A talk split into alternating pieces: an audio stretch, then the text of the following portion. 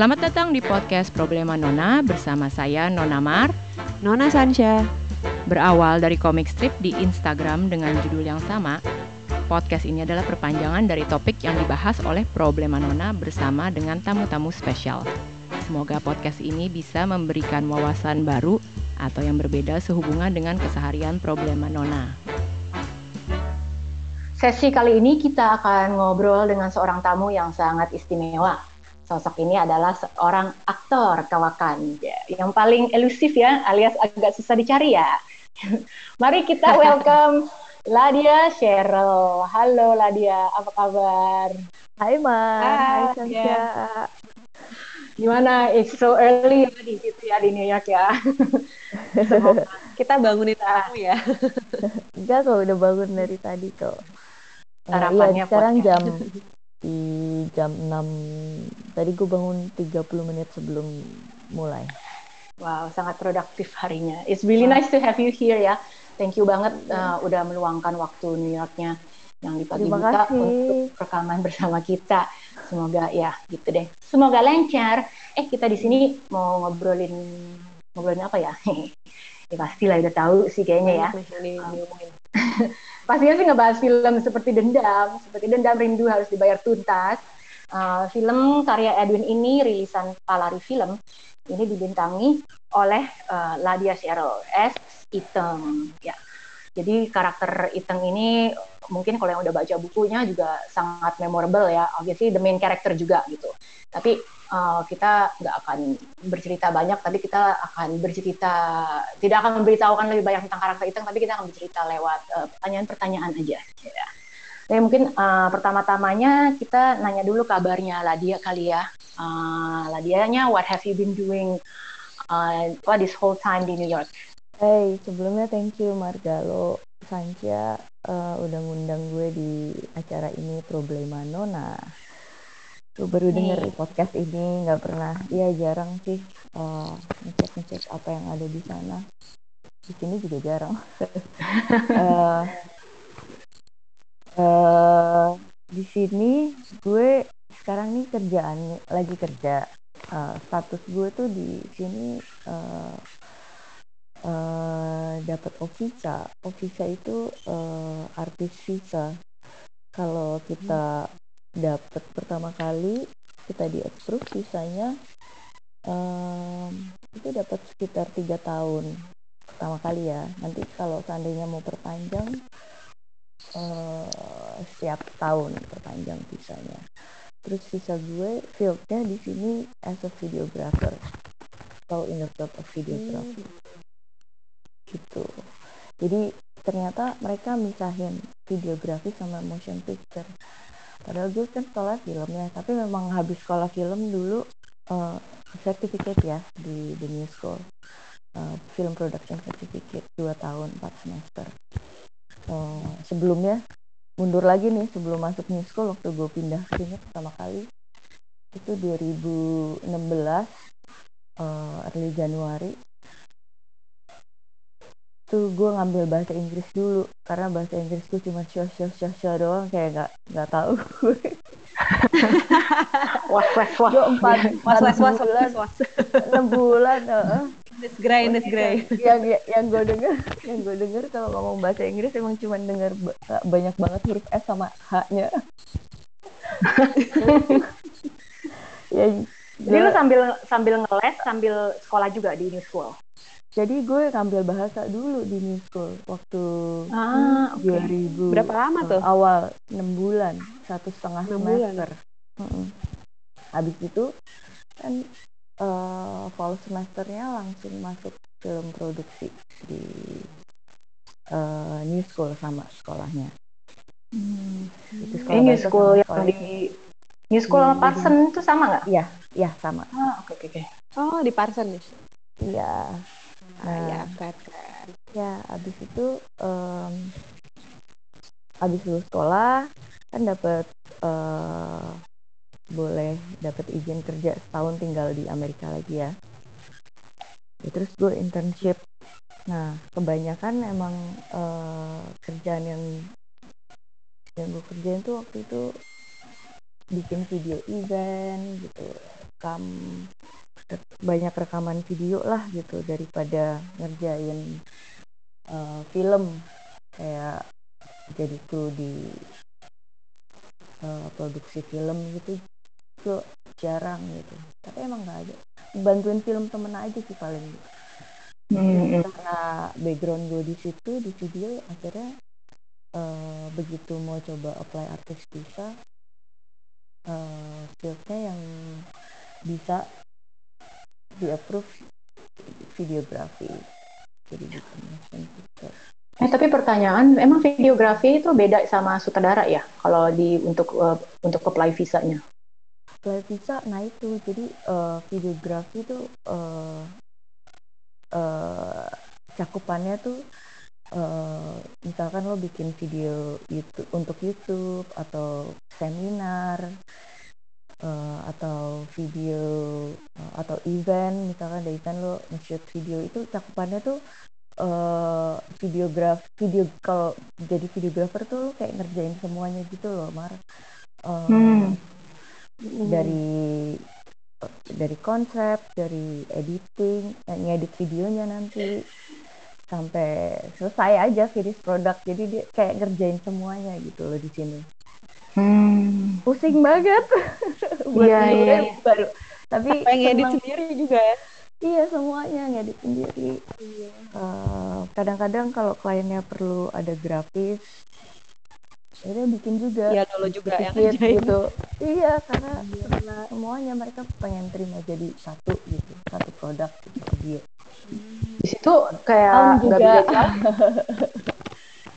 palu gada juga ya di situ semua ya iya lumayan palu Rabutan apa sih oh apa lo punya gue ada iya oh.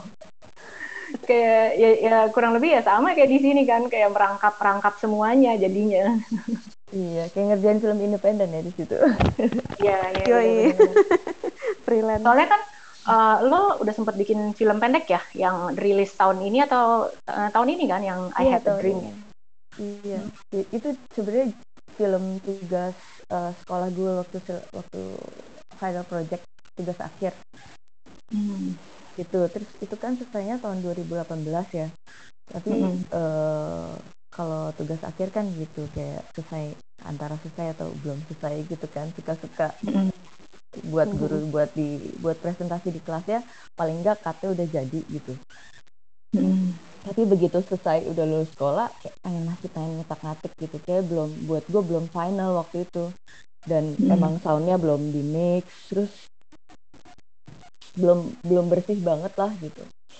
Terus uh, habis lama tuh uh, gue coba ngutak atik ngedit lagi film itu terus akhirnya gue tinggalin aja gitu.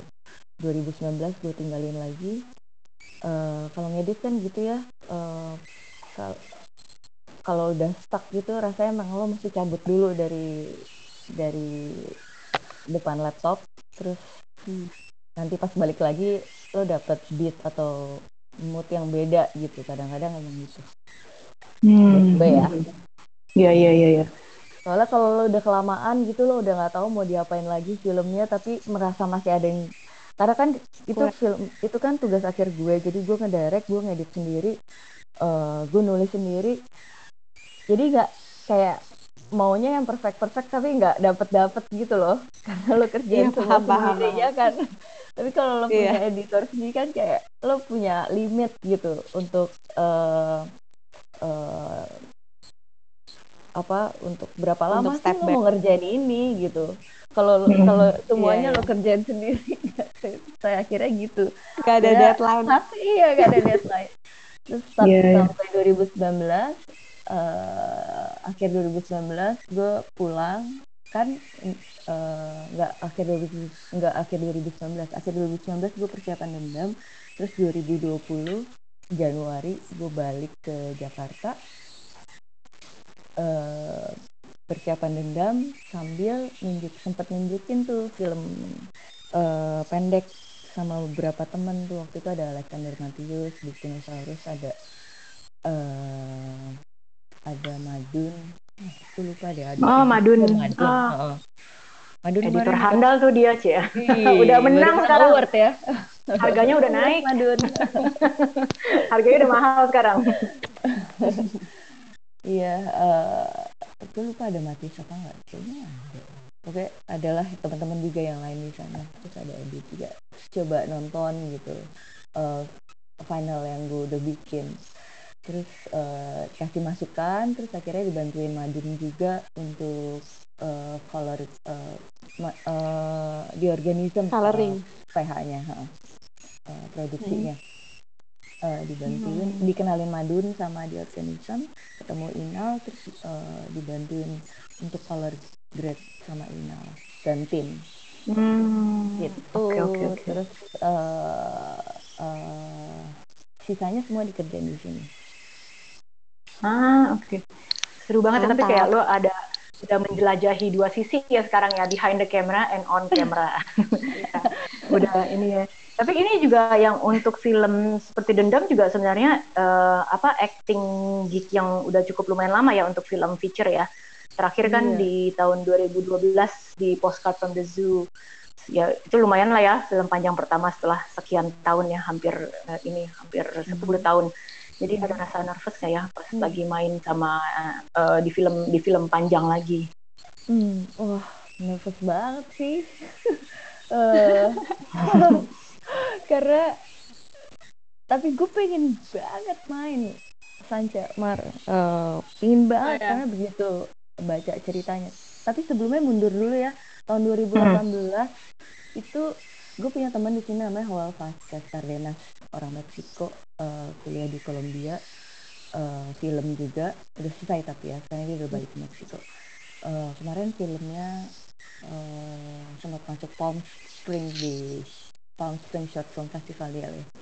Nah dia itu eh, 2018 ja- lagi kita lagi ngobrol jalan-jalan dia bawa buku dendam. Oh ya, Oh ya. versi bahasa Inggris dong ya obviously. Iya ya. bahasa Inggris apa? iya. Bahasa Spanyol. Baik, bahasa Inggris bahasa Inggris. Eh, dia bilang dia nemu buku obrolan di kampus kayak gitulah buku sa- eh, dendam Oh, dia iya. nemu di situ terus abis itu Ih, dia keren. bilang lah dia Zik lo mesti baca ini gitu Eh, terus gue tuh nggak bisa kalau mau baca sesuatu tuh nggak nggak dari diri gue sendiri gitu loh kadang-kadang gitu jadi kayak pengen nunggu mood gitu terus Hmm. oke bagus ya gue bilang gitu. Terus gitu oh bagus banget dia bilang dia suka gitu. Karakter karakternya menarik gitu. ya habis itu eh, udah gitu doang lewat aja. Terus eh, Edi sempat ke sini datang terus lagi cerita cerita tentang persiapan dendam. Edi sama Gina Esnur waktu itu ke New York. Tahun 2000 Oh buat Ali ya soalnya waktu itu ya. iya 19 apa ya? Apa 18 ya? 18 kali Hmm. itu terus habis itu eh, udah lewat aja. Eh, lewat lagi habis si Edi dan Gina ke sini terus tiba-tiba eh, di kontak sama Dede sama Edi sama Edwin bersamaan tuh. Eh, di satu dua hari yang berbarengan mereka teks gitu. Eh, masih tertarik main film nggak gitu. Nah pada saat itu gue bilang gue eh gue baca dulu boleh nggak gitu ya udah akhirnya gue baca dulu nah, aduh gimana nih gue suka banget lagi ceritanya tapi gue takut banget Itu kayak ini ini banget ya. Kayak meant to be banget gitu loh dikasih buku itu dari lo yang completely nggak ada hubungannya Iya. sama gitu gitu kayak iya jodoh. iya Iya, Tapi ya. pertanyaannya, lo udah baca Iya. bukunya? Nah, belum, belum, belum. kan tadi gue bilang kan, jadi 2018 itu temen gue kan, gue ngeliat temen gue baca, tapi kan gue bukan orang yang kayak disuruh baca terus gue langsung Ya, gitu. langsung baca Iya. gitu. Eh, gue pasti, iya, gue tipe yang kayak, ah gue nunggu mood gue dulu, ah, ntar aja dulu gitu. Iya. Ya udah akhirnya abis itu kayak eh, kayak ada eh, apa eh, eh, announcement kedua untuk Ladia baca bukunya dari Edi Iya, sama asli. Iya kan Ayo baca. gitu. Oh, Terus ini udah kudu kudu baca gitu Iya, ya. akhirnya- Kudu nih iya. udah dua kali nih. Terus akhirnya gue baca skrip ya kan, mereka kirim skripnya, Uh, oh baca skripnya dulu ya berarti ya, belum baca, baca bukunya dulu kan gue tanya juga sama Edwin okay. gue perlu baca bukunya nggak gue bilang gitu. Edwin hmm. bilang nggak nggak usah nggak usah baca bukunya skripnya aja gitu. Ya udah terus gue baca skripnya. Okay. tapi gue penasaran dong gue nggak bisa. Akhir begitu gue suka skripnya gue harus baca bukunya. karena emang gue suka banget ceritanya. Um, terus ya udah diam-diam gue baca bukunya. Gue nggak bilangnya diam sih. Gitu. Tapi akhirnya bilang juga. Kenapa kenapa gitu ya? Kenapa nggak boleh maksudnya nggak nggak disuruh gitu? Hmm, apa, untuk baca bukunya? Nah itu lu tanya Edwin deh gue nggak tahu kenapa. Mungkin iya, iya bener.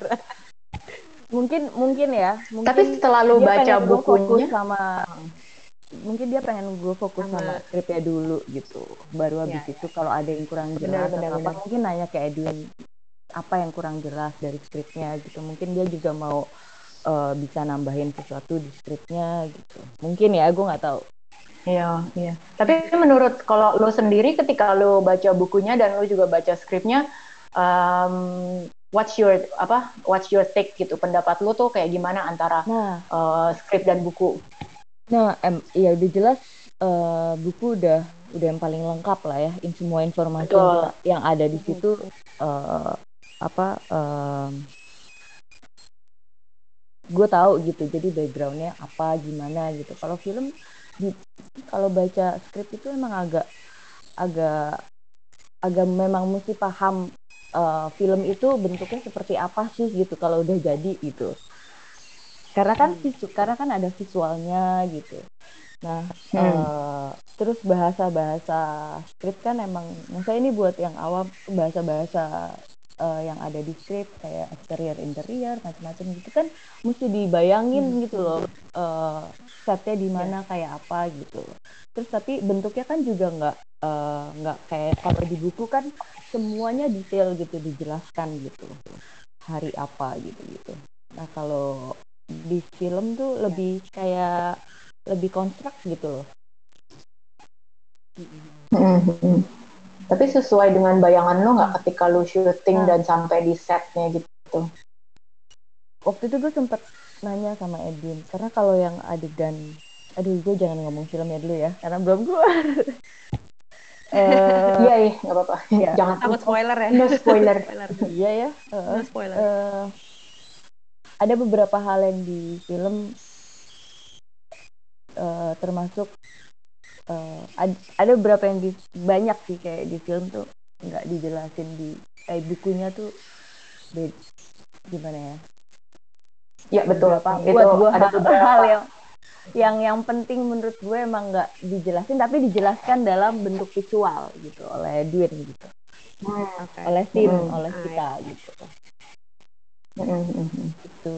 Nah, kalau misalnya, nah kalau ngomongin filmnya balik balik mundur dikit lagi ya, soalnya gue belum nonton film yang lengkap dengan musik Mar dan Sanca. Jadi terakhir gue oh, gitu. nonton cutnya ah, okay. dendam itu karena gue mesti dubbing di sini. Nah uh itu dubbing uh, sekitar bulan kayak awal ya awal awal tahun ini kalau nggak apa akhir tahun lalu ya gue lupa. Nah itu musik belum ada sama sekali yo. Uh, mm. uh, baru referensi aja kayak tempelan sedikit sedikit tapi bukan musik yang dibuat oleh Dave waktu itu. Terus oke. okay. uh, sound juga belum mix karena kan gue juga masih dubbing gitu. Iya iya iya. Berarti masih kasar banget ya itu draftnya tapi ya. udah jadi uh, pembela uh, pembelaannya temen-temen ya tapi kan kata udah jadi lah dia. Lu harusnya udah udah bisa nonton. Iya bisa sih. Cuman gimana? Pasti beda kalau nggak ada musiknya nggak sih? Iya. Ya, belum ada musik. Belum ada. Terus soundnya masih hmm. naik turun gitu kan. Nggak nggak tahu deh. Belum dapat the iya. complete. iya, experience ya, ya sampai sekarang ya gue belum nonton jadinya. Karena kan belum oh gitu? di sini mau nonton online sayang kan? Iya sih, benar-benar benar harus harus nonton di bioskop sih ini sih. Karena nonton online pasti ada ya uh, pasti ada yang ada. beda lah gitu. Orang waktu yeah. gue dubbing nonton harus nonton online dulu semuanya kan. meskipun Hmm. gue perlu ngisi beberapa spot doang tapi gue nonton semuanya itu aja kayak aduh aduh gitu nonton di TV di rumah lagi Hmm, aduh aduh iya gitu. Iya, benar iya, kayak iya. aduh gimana Beda. ya gitu Iya, iya beda banget sih pasti sih. Hmm. Cuman, eh, nah kan lo udah ngebaca eh, skrip dan buku ya, dua-duanya Hmm. juga. Um, Jadi lo mencari inspirasi untuk si karakter Iteng ini kan, Ka- Iteng ini kan dia sosok perempuan yang kuat ya, eh, Hmm. literally dan figuratively, dan dia juga fearless dalam kehidupannya gitu.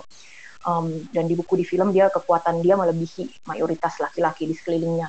Um, jadi lo tuh uh, mencari inspirasi atau uh, mencari motif ya untuk si karakter Iteng ini nih lewat apa gitu kayak gimana prosesnya dan apa yang meng- apa yang menarik dari si Iteng ini karakter Iteng ini buat lo Hmm, jadi waktu eh, begitu akhirnya udah mulai fokus, oh ya mundur dikit ke eh, mundur dikit proses casting ya. Jadi habis eh, gue terima, eh, maksudnya gue gue bilang kalau gue antusias banget sama film ini, gue suka ceritanya. Dan gue selalu kalau mau main film tuh karena ceritanya menarik gitu buat gue dan karakternya juga.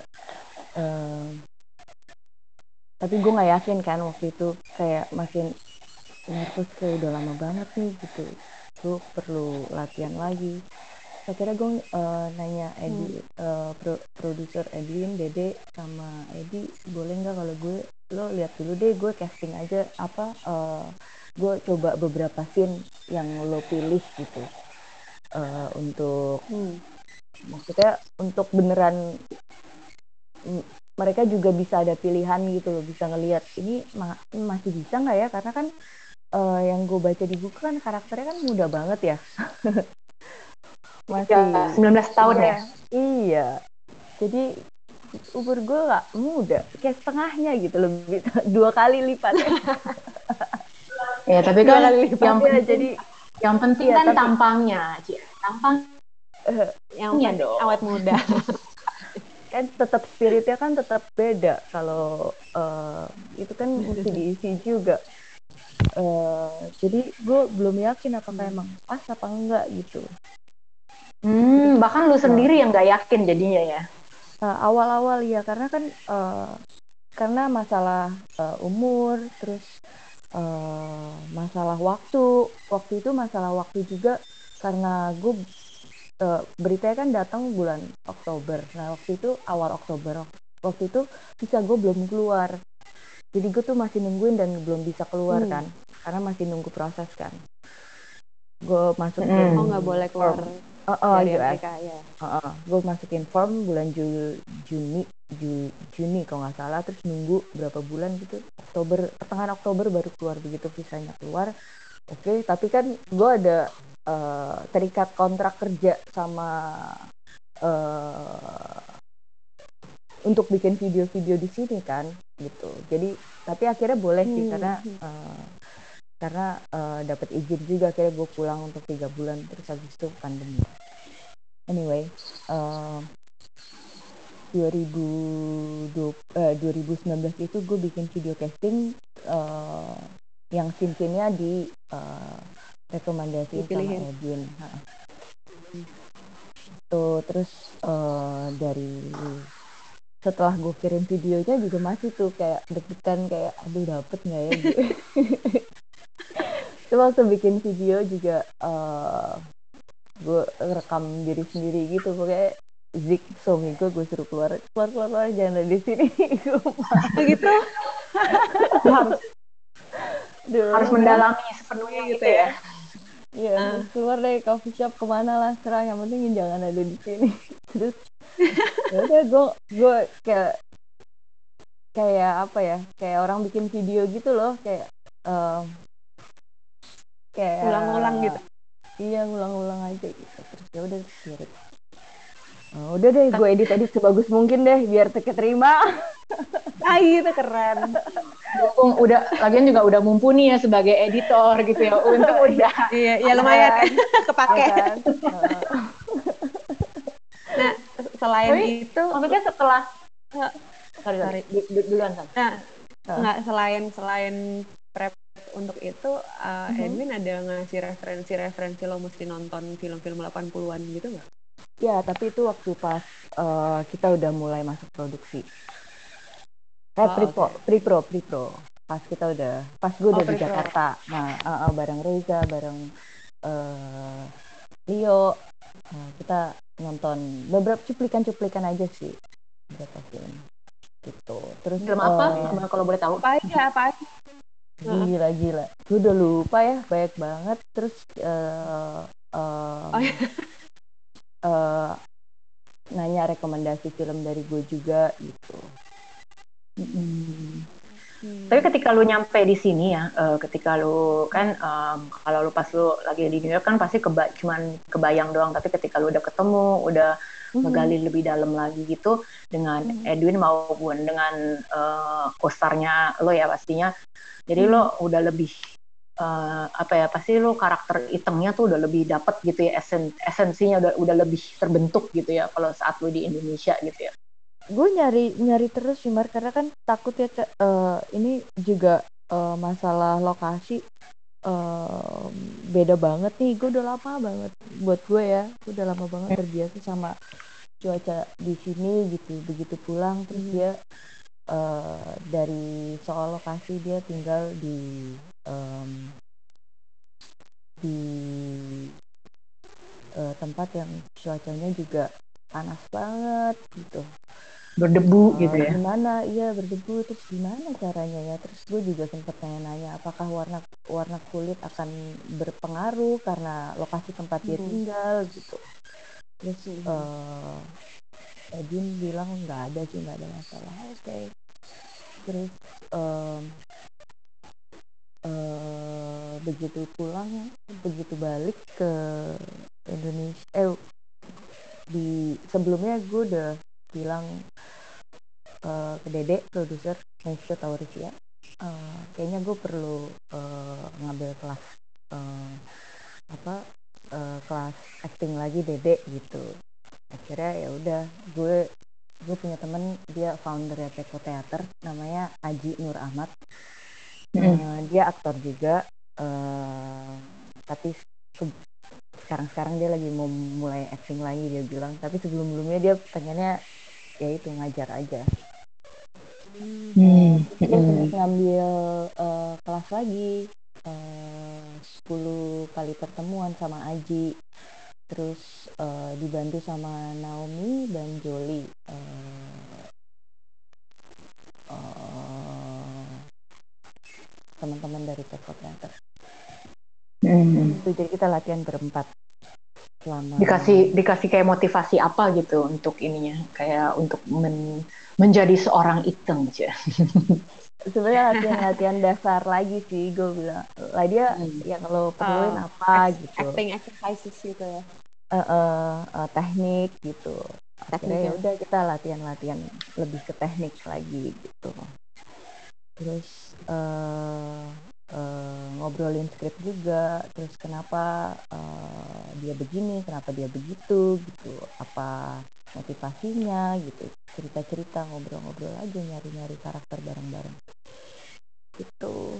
Eh, Kenapa si Aju Kawir ini gitu ya kayak insecure gitu atau kayak dia uh, apa kenapa dia sama La, eh, Ladia lagi sama Iteng gitu. Kenapa dia hubungannya ya begitu. Eh, bahkan karena sampai hal-hal paling sempat juga ya sederhana. kalau uh, apa kemarin ada yang Mm-mm.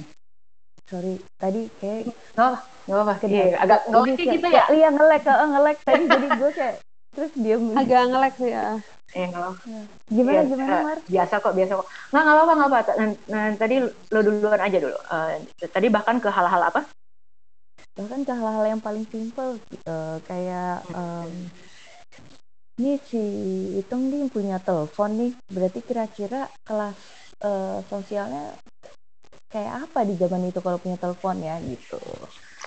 Ah, iya iya iya benar benar. Juga ya. Berarti udah lumayan ya di zaman itu punya punya telepon tuh udah udah Iya, masuk karena- middle class kan sebenarnya. Iya.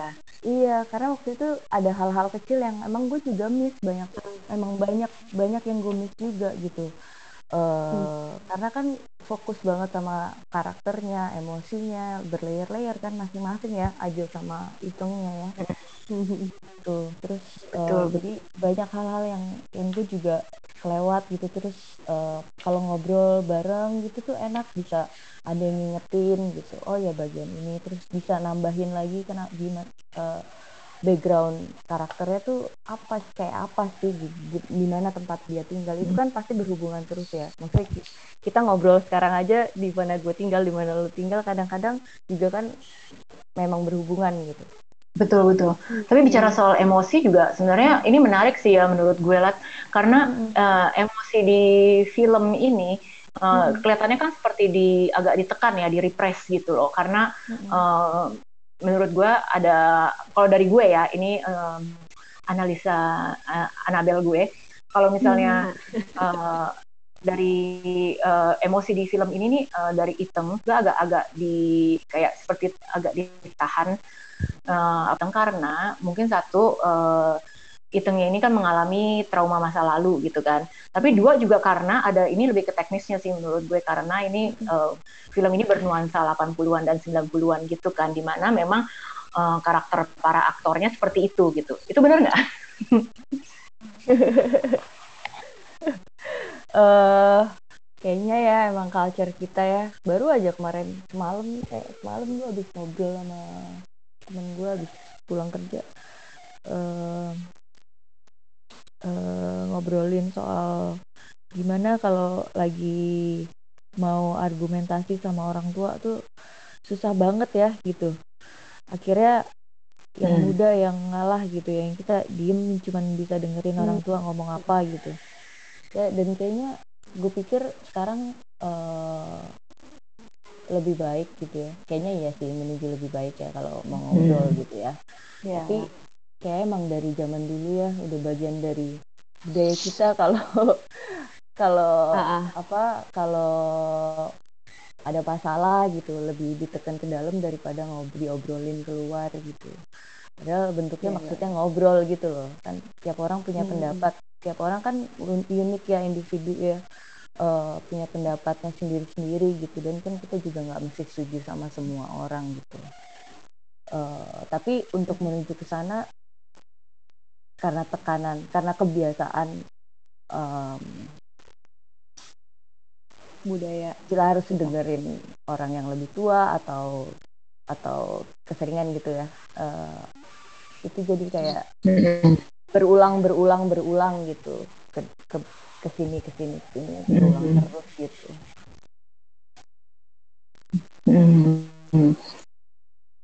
Dan juga mungkin jadinya uh, emosi yang apa karena karena berputar-putar dan ini jadi mungkin agak penyalurannya jadi agak salah gitu jadi uh, jadi kalau di iteng ini kan jadi uh, keluarnya tuh di melalui kekerasan gitu semuanya. Ayo kita ini ayo kita gelut gitu. Semuanya ayo diselesaikan dengan gelut gitu. Uh, dan jadinya mungkin itu kali ya. Larinya ke situ gitu. Jangan lupa juga tapi kan itu kan punya masalah uh, masa lalu yang nggak enak juga ya kan waktu dia betul betul nah, betul. dia ya. cara dia memproses ya. emosinya nggak ya, gimana cara pada umumnya gitu. Uh, uh, uh, uh, dan gimana dan dia sendirian gitu.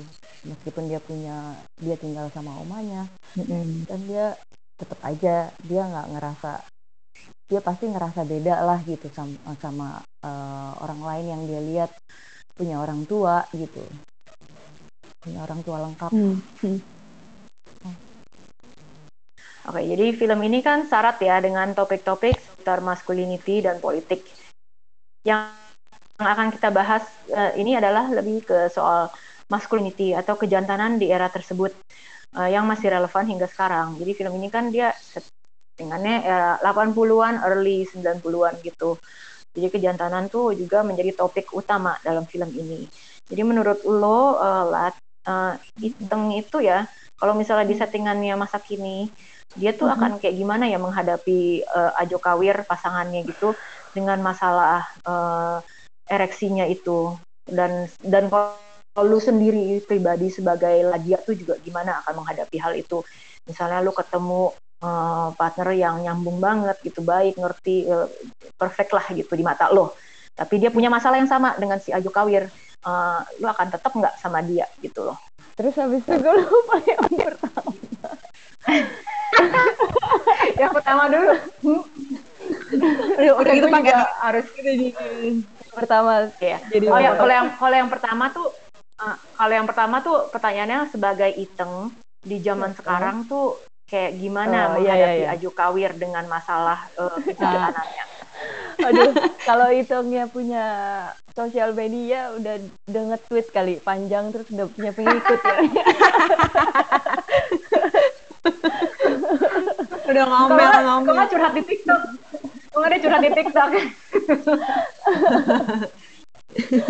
iya kalau zaman sekarang nggak tahu uh, gue uh, gimana tapi yang pasti udah lebih banyak um, apa uh, support dari sama perempuannya ya. Kepada uh, uh, hmm, ya. dan juga kayak kan, mungkin zaman sekarang kan informasi udah banyak gitu ya. Iya, jadi mungkin uh, tidak terlalu stigma gitu loh. Iya dan uh, apa kan memang gerakan perempuannya kan juga memang ter, gerakan perempuan kan memang lagi tergorong baru banget ya gitu. Dibandingin sama hmm. yang terjadi sama, uh, tentang maskulinitas ini gitu ke belakang kita kan hmm. baru banget gitu. betul.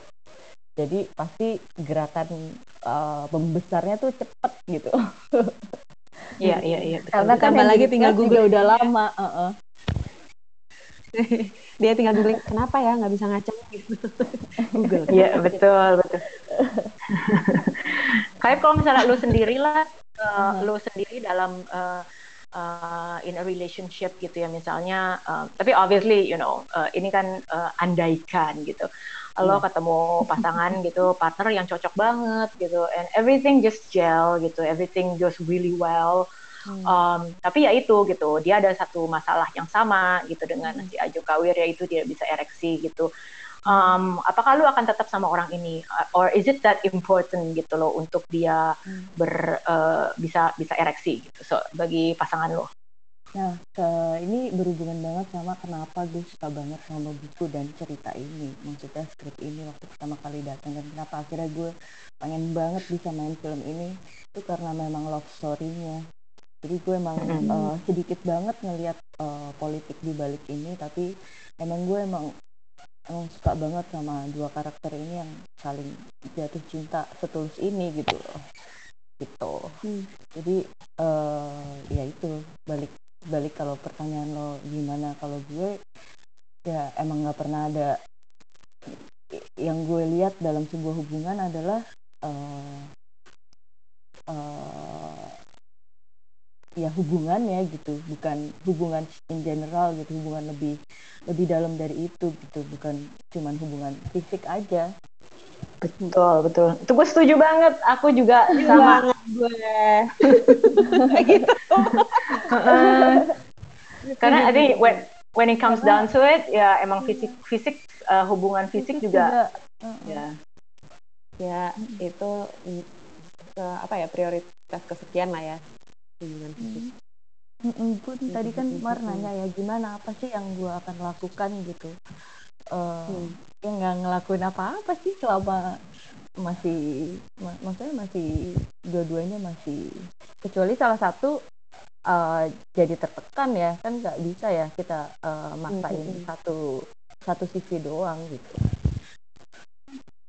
Iya maksudnya de, uh, lo tidak akan, maksudnya lo akan tetap melanjutkan hubungan itulah karena obviously uh, itu bukan prioritas gitu kan, itu bukan sesuatu iya. yang um, mengganggu banget gitu kan. Iya. Mm-hmm. Ngerti ngerti ngerti. Nah itu juga kan speaking of uh, relationship itu juga menarik sih karena kemarin yang gue sempat nonton ada reading sama uh, reading book reading ya sama hmm. ada Gustika Yusuf. Uh, dia juga mention about uh, sebenarnya antara dua karakter utama ini si hmm. Ajo Kawir dan Iteng nih sebenarnya toxic relationshipnya mereka gitu loh. Uh, dan ini uh, dikutip dari dia ya dari Gustika Yusufnya dia bilang apakah Iteng dan Ajo Kawir ini mereka in love atau infatuated gitu. Kalau menurut lu apa? Hmm, kalau gue kalau menurut gue kalau menurut gue sih in love karena karena uh, karena mereka ketemu pertama kali dan langsung uh, kayak apa uh, uh, kayak nemu kembarannya gitu loh Hmm. Hmm. Terus uh, Oh. setelah itu juga um, apa uh, setelah kejadian dengan Budi Baik itu juga dia tetap nunggu gitu loh. I see, oke. Iya, iya, iya. Itu bukti cinta sejati ya itu ya. So far yang kita lihat sampai situ ya. Iya. Hmm, eh, pertanyaan terakhir deh gitu kan. Toxic masculinity ini kan juga eh, kentara banget ya di film eh, seperti dendam.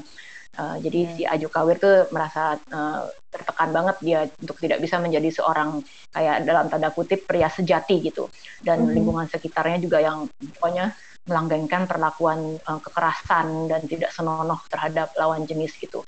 Nah, si Iteng ini kan dia bisa menemukan jalan keluar sendiri gitu loh di tengah eh, di tengah-tengah eh, toxic masculinity tersebut gitu. Menurut lo eh, dari cara Iteng melawan serangan norma-norma eh, yang sangat patriarkis itu apa yang relatable gitu dari caranya dia dengan dengan real life ya dengan saat ini. Karena beberapa kan agak ekstrim gitu ya eh, caranya dia gitu. Jadi mungkin lebih ke kayak untuk di buku atau di eh, di eh, film gitu. Kalau untuk saat ini gitu ya, di, di, di zaman sekarang menurut lo apa yang eh, relatable gitu dari caranya dia melawan gitu? Membangun komunitas bersama yang bareng yang gerakannya bareng-bareng mungkin lebih efektif sekali ya. Karena karena mau dibilang eh, apa eh, perempuan sekarang lebih diterima tapi eh mas kayaknya masih banyak eh, apa kendala yang yang yang lebih gede lagi gitu. Itu yang coba nyelesain coba gue selesain dulu sih sendiri gitu. Maksudnya nggak nggak nggak nggak nggak ikut dalam sebuah grup gitu tapi susah sih Mar soalnya eh, kayak gini tuh berhubungan terus sama apa yang udah terjadi sebelumnya. Bener. Ya, berat banget dan kadang-kadang kan bahkan ini ya, juga bahkan ya bahkan case ya, per case ya, ya kayak Iya. nggak semua eh, semua sama betul. ya bahkan tuh toksiknya tuh yang paling menyedihkan tuh kalau sampai imbasnya tuh perempuan jadi nyakitin sama perempuan gitu tapi imba- Hmm. tapi imbas dari masculinity gitu Iya. ya, Ya, itu, ya, nah, itu itu, cukup sering terjadi ya. Mm, mm, makanya juga Oh, kan jadinya ada seruan untuk women support women gitu. Karena Mm. ya kadang-kadang em, tanpa disadari ya karena udah saking ininya mereka larinya malah ngejelek-jelekin sesama, sesama perempuan gitu loh. Iya, kayak misalkan contoh, misalkan ini contoh paling sederhana kan, em, misalkan eh, di satu keluarga gitu, eh, ibunya mungkin tertekan karena eh, eh, karena nggak biasa punya, nggak biasa eh, dalam eh, nggak bisa punya suara gitu misalkan. Hmm. perempuan. Perempuan nggak punya nggak nggak terbiasa punya suara dalam satu dalam sebuah dalam keluarganya gitu. Terus begitu dia keluar di luar dia ketemu misalkan ketemu eh, temennya mungkin perempuan juga tapi eh, suara dia lebih mudah eh, diterima atau lebih vokal gitu dibanding teman-teman perempuan yang lain Hmm. terus dia nggak sadar dia bisa jadi eh, abuse juga ke teman-temannya dengan eh, dengan eh, pendapat-pendapatnya dia misalkan atau apa gitu tapi dia nggak sadar Ya. ngelakuin itu karena eh, Ya. karena itu udah kayak udah ditelen di setiap hari gitu mungkin di rumahnya atau Iya, di iya. sekelilingnya yang toksik itu gitu ya benar-benar. Itu kayak udah tertanam banget. Jadi tanpa sadar juga ya dikerjain aja keluar aja gitu kan dari dari orang itu gitu loh. Dan iya. dia tidak tidak uh, ya maksudnya udah nggak aware lah gitu bahwa itu tuh sebenarnya produk dari uh, environmentnya dia.